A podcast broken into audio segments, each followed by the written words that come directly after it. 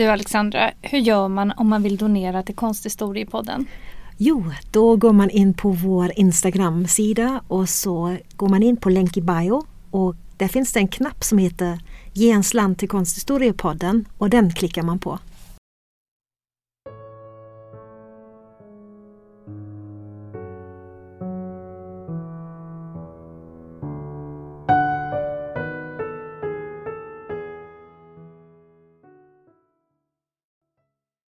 Hej och välkomna till ett nytt avsnitt av Konsthistoriepodden. Jag heter Alexandra Frid. Och jag heter Alexandra Härlitz. Och idag ska vi prata om ett konstverk från en tidsperiod som vi hittills inte haft uppe, nämligen 1700-talet. Vi ska prata om ett gruppporträtt som målades ungefär 1765 till 67 av den engelska målaren Joshua Reynolds i London. Porträttet är målat i olja på duk mäter 140,8 gånger 173,7 cm och visar Tyso Saul Hancock och hans fru Philadelphia med deras dotter Elizabeth och den indiska jungfrun Clarinda.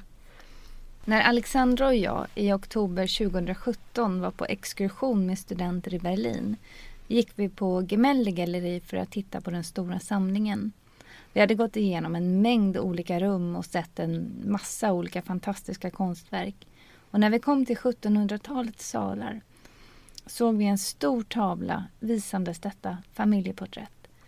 Exakt samtidigt utbrast vi Åh, så förtjusta var vi! Och snabbt upptäckte vi att vår förtjusning gällde just samma detalj i målningen. Den fantastiskt vackra indiska kvinnan som förvisso är något av en biperson men som ändå finns i målningens mitt. Som det så många gånger är på museer fanns ingen längre förklarande text men vi förstod genast att Joshua Reynolds omsorgsfulla gestaltning av den indiska unga kvinnan var betydelsefull. Vi visste då inte vem hon var men vi bar bilden av henne med oss. Idag ska vi berätta för er vad den senaste forskningen om konstverket har kommit fram till, vem den indiska kvinnan är och varför hon finns med i detta engelska familjeporträtt.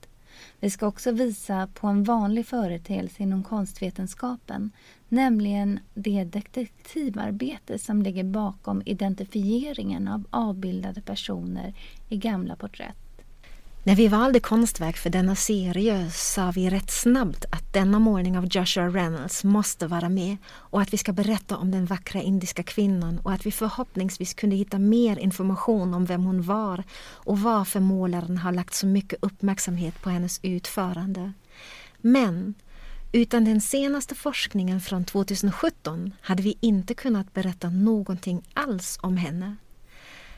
Vad som är tydligt utifrån dateringen 1765 till 67 är att detta porträtt som visar en brittisk familj med en indisk jungfru blev målad under Englands historiska position som kolonialmakt i Indien.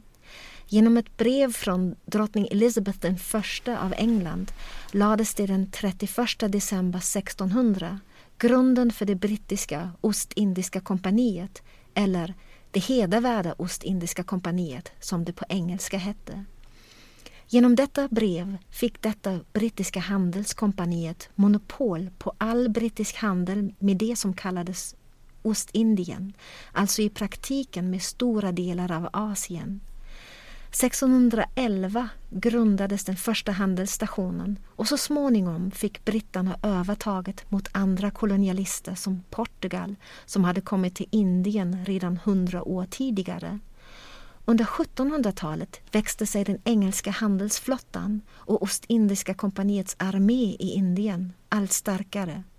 I början på 1600-talet hade det rekryterats några lokala vakter som skulle ansvara för kompaniets laga lokaler i hamnstäderna. Men när det brittiska Ostindiska kompaniet fick mer och mer makt förlitade man sig på en egen armé på flera hundratusentals soldater. Ostindiska kompaniet kom att övergå från handelskompani till militär kolonialmakt under 1700-talet fanns således en mängd brittiska officerare och affärsmän samt andra anställda av Ostindiska kompaniet som levde i Indien och exploaterade landet och dess befolkning. Och under denna tidsperiod hade alltså även detta familjeporträtt blivit till, om än i London. När vi såg denna målning på Gemelli galleri stod det på den lilla etiketten på museiväggen följande titel George Clive och hans familj med en indisk jungfru. Vad vi inte kunde ana då var att bara några månader tidigare, i juli 2017, hade presenterats omfattande ny forskning om vilka som verkligen avbildades på målningen. Denna nya forskning hade då inte hunnit ta sig till väggetiketten på Gemelli galleri i Berlin. Två brittiska journalister och forskare från en av de mest ansedda engelskspråkiga litteraturtidskrifter i världen, The Times Literary Supplement, hade grävt i målningens historia och genom noggrant detektivarbete i arkiven, bland annat med hjälp av Joshua Reynolds egna bevarade besöksböcker, tagit fram ny kunskap om de avbildade och tillkomstprocessen. Dessa två journalister, Charlotte och Gwendolyn Mitchell, kunde visa att familjen på bilden omöjligt kunde vara George Clive och hans familj och att det i själva verket finns källmaterial som bevisar att det är en helt annan familj. Men nu får vi ta det hela från början. Joshua Reynolds föddes den 16 juli 1723 som son till en präst i Plympton nära Plymouth i England. Han var 17 år gammal när han gick lärling hos porträttmålaren Thomas Hudson i London. Det var avtalat att hans utbildning skulle vara i fyra år men redan efter två och ett halvt år lämnade Reynolds Hudsons verkstad då han hade lärt sig allt som Hudson kunde lära honom. Under de följande åren arbetade han som porträttmålare i hemstaden Plymouth och det skulle också bli porträtt och allegoriska motiv som han kom att bli mest känd för. Från 1750 till 52 vistades Joshua Reynolds i Italien för att komplettera sin konstnärliga utbildning. Han var förtjust i antikens och högrenässansens konst. Framförallt tyckte han om Rafaels och Michelangelos konstverk som han såg på sin resa. Deras konst kom för alltid att påverka hans egen måleri. När han kom tillbaka till England bosatte han sig i London där han stannade till sin död 1792. Han blev oerhört snabbt en framgångsrik målare och var extremt produktiv. Reynolds arbetade i princip varje vaken timme, från måndag till söndag, från morgon till kväll. Det finns fler än 3000 konstverk av hans hand bevarade ett av hans många porträtt visar alltså Tyso Saul Hancock och hans fru Philadelphia med dottern Elizabeth och den indiska jungfrun Clarinda. På målningen ser vi de fyra avbildade personerna på en öppen veranda där vi uppe på vänstra sidan får utsikt över ett landskap. Makarna Hancock ramar in scenen till vänster och höger medan den lilla dottern står på en stol i mitten där hon hålls uppe på plats av modern och Clarinda. Clarinda verkar stå på knäna medan alla andra personer porträtteras stående. Modern och dottern i bilden riktar blicken mot betraktaren medan mannen är målad i profil och riktar blicken mot tavlans högra sida mot en punkt som verkar ligga utanför bildutsnittet. Den indiska kvinnan riktar blicken både upptaget och blygsamt snett nedåt och verkar således inte uppmärksamma porträttsituationen. Mr Hancock stödjer sig i avslappnad position mot stolens ryggstöd som är klädd i röd brokad. Bakom honom öppnar sig det vida, kulliga landskapet ovanför vilken vi ser vad som har tolkats som kvällens skymningsljus. Till höger bakom kvinnorna stänger ett purpurrött draperi framför en grå mur världen utanför ute vilket har tolkats som en indikation för hemmets slutna sfär inom vilken familjen befinner sig i detta porträtt. Tyso Saul Hancock bär bruna kläder med gyllene detaljer och en skjorta med krås därunder.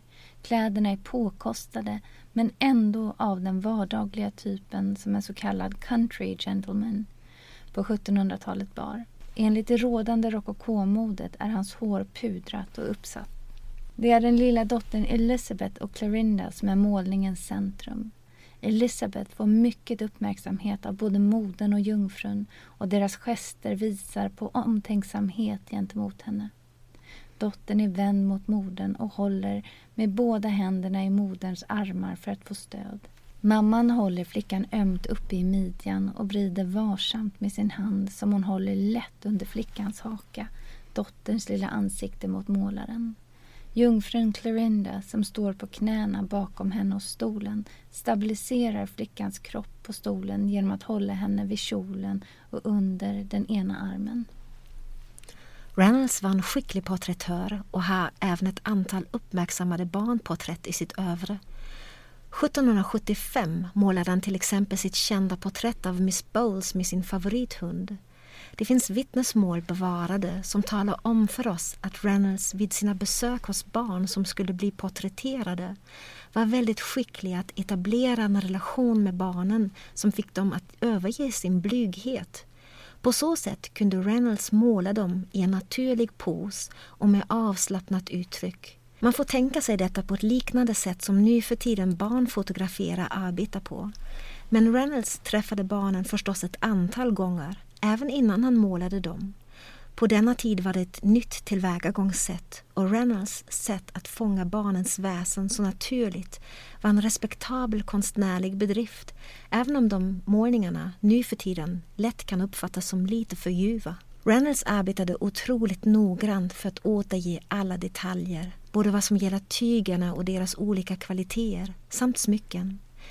När vi ser Philadelphia Hancocks vita klänning förstår vi genast att det är ett glansigt och elegant silkesmaterial. Och när vi ser stolens röda mönstrade yta förstår vi att det är ett sammetsaktigt brokadtyg som stolen är klädd i. Vi ser att det blommiga mönstret är mera slitet på sittytan än på ryggstödets kanter vilket bidrar till målningens naturalistiska noggrannhet. De kostbara exotiska smyckena som den lilla flickan och inte minst jungfrun Clarinda bär är påfallande och ska nog visa på familjens relation till Indien.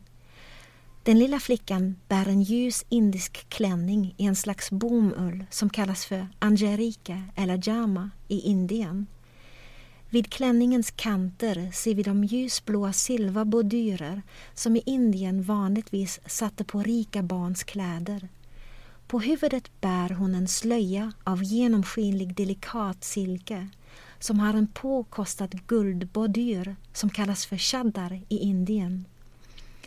Slöjan hålls på plats genom en elegant brosch med en edelsten i mitten av huvudet ovanför pannan, ungefär där en indisk flicka även nu för tiden skulle bära sina smycken.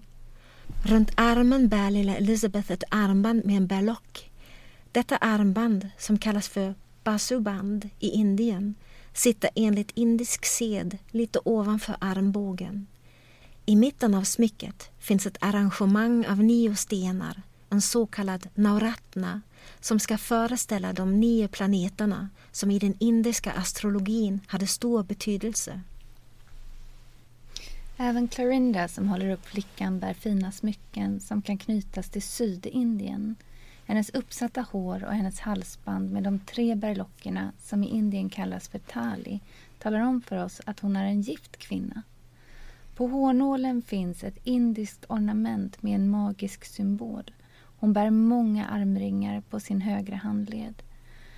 Den flerdelade röda armringen med guldornament består av elfenben som har färgats med krapp, en färgväxt vars rötter används i Indien för att tillverka den starka röda färgen. Hon bär också ett flertal svarta armringar som man fortfarande idag kan köpa i Indien. I många av sina stora porträttmålningar gick Reynolds tillbaks till kompositionstraditioner som han hade studerat i det italienska och det flamländska barockmåleriet. I den franska och svenska rokokokonsten använde man sig ofta av ljusa, nästan pudriga pastellfärger och skapade behagliga mjuka målningar. I Reynolds målning ser vi däremot att han använde sig av klara och starka färger. Genom färgerna brunt på vänstra sidan, rött och vitt i mitten och lätt grått på högra sidan skapar han en varm färgklang som dominerar bilden och som påminner oss om det flamländska barockmåleriet, till exempel av Peter Paul Rubens. Reynolds brydde sig mindre om det moderna rokokomåleriet och anknöt i sina starka färger och klara kompositioner ofta till gamla mästare från den flamländska barocken på 1600-talet eller den italienska högrenässansen på 1500-talet. I denna tavla lade han ihop lärdomar från sitt studium av den flamländska barocken och det nya indiska modet. Joshua Reynolds var verksam i en tid då det på den engelska marknaden nästan enbart fanns en efterfrågan efter porträttmåleri. Engelska adelsmän och rika affärsmän ville få sig själv avporträtterade på idealiserande vis. Samtidigt fanns det en tveksamhet gentemot andra bildgenrer i måleriet. I västvärlden var historiemåleriet på denna tid den högst värderade genren i hierarkin. Men i 1700-talets Storbritannien satte man ingen större tilltro i att engelska målare kunde skapa stora historiemålningar. Samtidigt kunde man uppskatta sådana genrer när de härstammade från italienska eller franska målares händer. Joshua Reynolds var en av de konstnärer som genom sin utbildning och sina resor hade blivit förtjust i historiemåleriet. Men på den engelska marknaden fungerade det inte. Han var förvisad till porträttmåleriet för att tjäna pengar men var samtidigt en av de få engelska målare som försökte att höja det engelska historiemåleriets status och popularitet. 1773 vågade han för första gången att visa en renodlad historiemålning på Royal Academy i London. Genom målningen Greve Ugolino och hans barn i fängelsehålan skulle han göra denna genre gå för en större publik. Men redan innan dess hade han under många år försiktigt försökt att tänja gränserna och att på så sätt främja smaken för historiemåleriet. Han närmade sig detta genre också i sitt sätt att skapa porträttmålningar.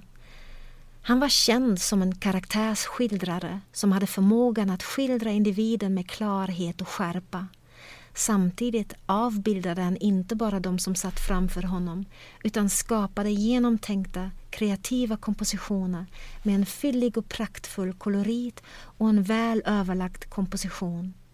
De avporträtterade kom att känna sig idealiserade och upphöjda vilket så småningom ledde till det faktum att Reynolds blev den favoriserade porträttmålaren i London. När han porträtterade kunde han föra fram en narration eller antydan till en narration genom figurernas olika positioner och uttryck samt miljön de avbildades i. På så sätt skapade han inte bara rena avbildningar utan kunde säga mer om de avbildade och relationerna dem emellan. Det är nog just Reynolds noggrannhet att återge karaktärerna och deras relationer som fick journalisterna Charlotte och Gwendolyn Mitchell att göra efterforskningar om vilka de avbildade i vår tavla verkligen var. I sina efterforskningar började de med proveniensen, alltså ägarhistoriken. Tittar man på målningens proveniens så kan man gå långt tillbaka i tiden. Det finns en etsning med målningen bevarad som är från 1835. På 1830-talet visades målningen också i utställningarna i USA och i London. 1976 såldes porträttet av auktionshuset Christie's till Ledger Gallery och köptes kort därpå av Gemälde Gallerie Berlin där den har funnits sedan 1978. Däremot så fanns det många frågetecken kring porträttets tidiga proveniens. Målningen dök för första gången upp på en postymförsäljning av konstsamlingen av en Sir Alexander Thompson 1817. På denna auktion kallades målningen A Family Group with Black Servant. Redan på 1830-talet hade målningen dock ett annat namn. Nu kallades den för Lord and Lady Clive with a Child and a Hindu Nurse. På den tiden trodde man nämligen att målningen föreställde Lord Robert Clive och hans fru Margaret Maskelyne med en av deras döttrar. Lord Robert Clive var en berömd officerare och känd för att under många år ha varit verksam vid Ostindiska kompaniet i Indien under hans befäl besegrade Ostindiska kompaniets armé 1757 under sjuårskriget den fransk allierade Naben av Bengalen i slaget vid Plassey. Denna militära seger ansågs vara det första viktiga steget i Ostindiska kompaniets övergång från handelskompani till kolonialmakt. På grund av hans bakgrund tyckte man därför att det var rimligt att Reynolds porträtt skulle visa honom med sin familj och en indisk jungfru. På 1970-talet blev det dock uppenbart att dessa personer var felaktigt identifierade. Det fanns ingen period i deras liv då Lord och Lady Clive bara hade en dotter. Samtidigt insåg man att de många andra porträtten av Robert Clive som fanns bevarade och som visade honom i sitt stränga ansikte och de buskiga ögonbryn inte alls hade någon likhet med mannen på porträttet i Berlin. Därför ställde man 1979 upp en ny hypotes om vem de avbildade verkligen var och menade då att mannen i målningen lär vara Lord Clives kusin George Clive som följde 1755 med sin kusin Robert till Indien varifrån han återvände till England fem år senare med en liten förmögenhet som han hade tjänat ihop. 1763 gifte han sig i England med en irländsk kvinna, Sidney Bolton. Eftersom paret på morgonen var okänd antog man att målningen visar ett par som tillsammans hade bott i Indien och som hade fått ett barn där, vilket ju är det som målningen visar så tydliga indikationer på. Men inget av detta överensstämde med George Clive och hans familj. Varken hans fru eller hans dotter var någonsin i närheten av Indien. Antagligen hade de heller ingen indisk barnjungfru som den som placeras så centralt och betydelsefull i vår målning. Eftersom ingen visste något mer om denna George Clive fanns det dock inga invändningar och porträttet har burit namnet George Clive med sin familj och en indisk jungfru under alla år, fram till 2017. I den nya identifikationen från 1979 hade man utgått från att efternamnet i porträttets tidigare benämning stämde, att det var en familj Clive som avbildades. Men de nya efterforskningarna visade sedan att George Clives familjeförhållanden inte alls passade till den avbildade familjen i porträttet. Hans äldsta dotter Sydney föddes 1764 men flickan i målningen är tillräckligt gammal för att stå själv. Hon kan knappast vara yngre än ett år gammal. Hon ser äldre ut. Dessutom var lille Sydney inte länge familjen Clives enda barn. 1765 fick hon en syster och 1766 följde en lillebror. Under åren därpå följde sju fler barn. Dessa familjekonstellationer lämnade alltså ett extremt kort tidsfönster då George Clive kunde ha gett familjeporträttet i uppdrag. Vad som förefaller som ytterst ovanligt är att ett familjeporträtt på 1700-talet inte skulle inkludera familjens äldsta son. I George Clives ättlingars ägo finns ett porträtt av honom som är målat 1763 och som man tidigare tyckte visade en viss likhet med mannen i porträttet i Berlin. När man nu tog fram porträttet igen fick man konstatera att George Clive måste ha åldrats något så otroligt för att kunna vara mannen på porträttet i Berlin som bara hade målats två år senare. Slutligen kom man fram till att alla män i familjen Clive var för unga för att kunna vara den avbildade mannen i porträttet i Berlin. Dessutom kunde man i deras kontoförteckningar i Barclaybankens arkiv i Stockport inte hitta det minsta tecknet av betalningar till målaren Joshua Reynolds. Man gav alltså nu upp spåret att målningen skulle föreställa någon engelsk familj Clive Istället för att leta efter efternamnet Clive i Joshua Reynolds besöksliggare och räkenskapsböcker fokuserade man nu på att hitta en familj vars kriterier överensstämde med den avporträtterade familjen. Man letade alltså efter ett par som hade återvänt från Indien till London i början av 1760-talet och som hade en älskad dotter som de var väldigt glada i samt en indisk jungfru Samtidigt skulle det också vara ett par som var tillräckligt välbärgat att kunna beställa ett porträtt av självaste Joshua Reynolds. Utifrån smycken i målningen tolkade man att det måste vara en familj med starka relationer till Sydindien, antagligen den stora staden Madras och inte till städer som Bombay eller Calcutta som ligger norrut. Man förstår att det är ett enormt omfattande arbete som ligger bakom dessa efterforskningar där Charlotte och Gwendolyn Mitchell fick sitta länge på British Library och finkamma det stora Clive-arkivet. Så småningom kom forskarna att hitta en liten grupp av anställda hos Ostindiska kompaniet som de kom att jämföra med de namn som återfinns i Joshua Reynolds besöksliggare. Till slut hittade de ett par med bara en dotter som kom hem från Indien vid rätt tidpunkt och som hade en förbindelse till Madras. I dessa efterforskningar kom följande familjeberättelser fram som döljer sig bakom Reynolds familjeporträtt. Moden på målningen är ingen annan än författaren Jane Austens faster Philadelphia Austin. Philadelphia kom 1752, bara 22 år gammal, till Madras i Sydindien. Föräldrar och medellös hade hon först växt upp hos en rik släkting. Som 15-åring blev hon sedan lärling hos en modist innan hon, som så många andra unga kvinnor, skickades 1752 på Ostindiska kompaniets skepp Bombay Castle till Indien för att där hitta sig en make. På båten lärde hon känna Margaret Maskelyne, den blivande Lady Clive som man alltså tidigare hade identifierat i målningen. Philadelphia Austin anlände till Madras i augusti 1752 och redan i januari 1753 gifte hon sig med mannen i porträttet, Tyso Saul Hancock. Hancock var åtta år äldre och då anställd som kirurg för Ostindiska kompaniets räkning i Fort St. Davis söder om Madras. 1759 fick Hancock med Robert Clives hjälp en position som kirurg i Fort William i Calcutta och de flyttade norrut. I Calcutta föddes den 22 december 1761 deras enda barn, dottern Elisabeth, som är den lilla flickan i målningen. Hon kom som vuxen att gifta sig i sitt andra äktenskap med sin kusin Henry som var författaren Jane Austins storebror. I januari 1765 lämnade familjen Hancock Indien och flyttade hem till England.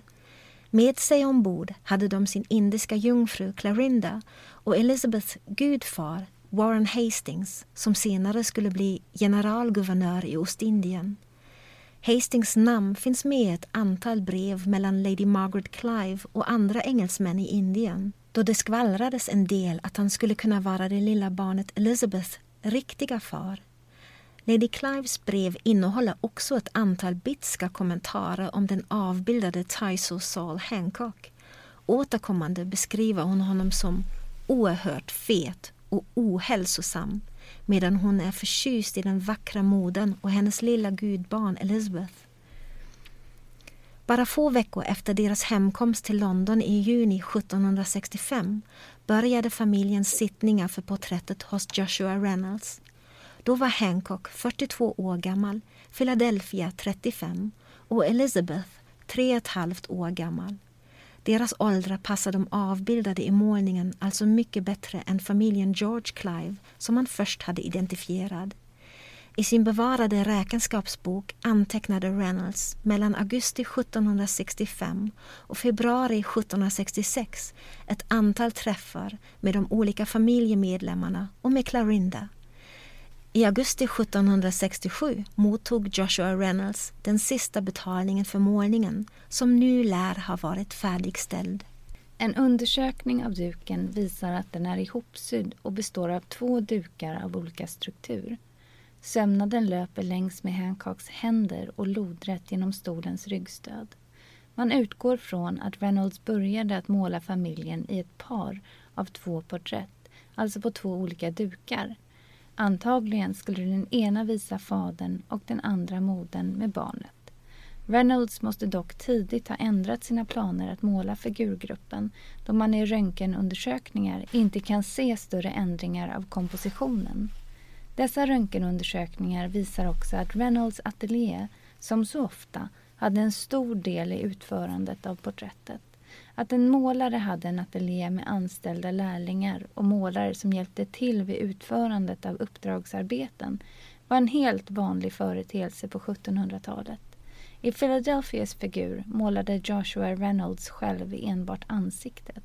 Hennes klänning däremot målades antagligen av hans medarbetare Peter Toms som var den som ansvarade för kläderna och tyger i Reynolds ateljé. Tyso Saul Hancock, lilla Elizabeth och också Clarinda verkar Reynolds däremot ha målat helt själv i sin helhet. 1768, efter bara tre år i London, tyckte Tyso Saul Hancock att hans förmögenhet inte var tillräckligt stor för att kunna säkerställa parets önskade livsstil i England. Därför bestämde han sig för att återvända till Indien för att föröka sin förmögenhet. Han lämnade Philadelphia och lilla Elizabeth, eller Betsy som han brukade kalla henne, i England. Han kom aldrig att flytta hem igen. Däremot får vi kunskap om de avbildade personerna i porträttet och deras liv genom hans många kärleksfulla brev som han skickade från Indien under de resterande sju åren av hans liv. Det är genom hans brev hem som vi får veta att familjen Hancock hade med sig en kvinnlig jungfru från Indien och att hon hette Clarinda. Om Clarinda får vi inte jättemycket, men i alla fall lite mer information. Uppenbarligen var hela familjen väldigt glad i henne. Hancocks brev från Indien är fulla av hälsningar till henne. Remember me kindly to Clarinda, skriver han. Och Tell Clarinda that I always remember her and have the greatest regard for her. Ett brev måste ha varit bifogat till ett paket i vilket han skickade tyger som present till Clarinda. Man förstår utifrån breven att hon har varit väldigt omtyckt och det är det som vi också kan uppfatta i Reynolds porträtt. Utifrån hennes centrala placering och den noggranna och omtänksamma återgivning av hennes person förstår vi hennes betydelse för familjen. Reynolds målning får oss att förstå att familjen Hancock ville att hon skulle vara med i familjeporträttet. Familjens förbindelse till Indien skulle uttryckas genom kläderna och smycken men även genom Clarinda själv. Antagligen hade hon vid tidpunkten för porträttet varit i paret Hancocks tjänster sedan länge. De sydindiska smycken hon bär kan vara en indikation att hon började arbeta för paret redan under det tidiga 1750-talet i Madras. När Hancock dog i Indien 1775 var Clarinda fortfarande i familjens tjänst. I ett bevarat brev som Philadelphia skrev 1780 till familjens nära vän Warren Hastings skrev hon att även om hon själv blev tvungen att betala för Clarinda så ville hon inte att hon skulle bli lidande i sitt öde. Philadelphia skrev att den stackars trofasta varelsen var så sjuk att hon trots att hon fick dyr medicinsk behandling kanske inte skulle överleva. I juni 1780 när Philadelphia och Elizabeth bodde i Combs-la-Ville nära Fontainebleau i Frankrike nämndes Clarinda för sista gången i ett brev och troligen dog hon strax därefter. Gruppporträttet förblev familjeägt fram till 1817 då Elizabeths änkling Henry Austins alla ägodelar blev föremål för en tvångsförsäljning. Målaren Joshua Reynolds kom att bli en av 1700-talets mest berömda målare. Kung George III var själv ingen stor anhängare av Reynolds. Men när The Royal Academy of Art i London grundades 1768 kände han sig tvungen att utse Reynolds till dess första preses då han var så otroligt populär. Året därpå kom han att adlas för sina förtjänster och kallades från och med då Sir Joshua Reynolds. Det blev nu enklare för honom att påverka den allmänna uppfattningen om det engelska måleriet och att slå ett slag för det engelska historiemåleriet. 1784 kom han att bli den engelska kungens hovmålare. Det stora antalet konstverk han skapade under sitt liv och hans konstanta arbete visar tydligt på den passion som drev honom under hela sitt liv. Även efter en lindrig stroke och försämringen av synen i hans vänstra öga slutade han inte med måleriet. Först när han blev helt blind 1789 blev han tvungen att ge upp sin konst. Han dog tre år senare, den 23 februari 1792. I England kom han så småningom att kallas för det brittiska måleriets fader. Gemäldegalleri i Berlin äger nu en målning med en annan titel än förr. Tyso Saul Hancock och hans fru Philadelphia, född Austin, med deras dotter Elizabeth och den indiska jungfrun Clarinda. Clarinda har nu fått ett namn och något av en identitet. Kanske är det den delen som är viktigare än att ersätta det ena prestigefulla brittiska familjenamnet mot ett annat. Förstås vet vi fortfarande inget om Clarindas syn på hela historien och den kommer vi nog aldrig heller att få reda på. Utifrån Hancocks brev vet vi att Clorinda var analfabet. Den nya forskningen förser oss åtminstone med ett korrektiv till de tolkningar som hade gjorts sedan tidigare. Man hade utifrån Reynolds omsorgsfulla målning förstått att den namnlösa indiska jungfrun var omtyckt och viktig för familjen. Men man hade inga källor som kunde bevisa det.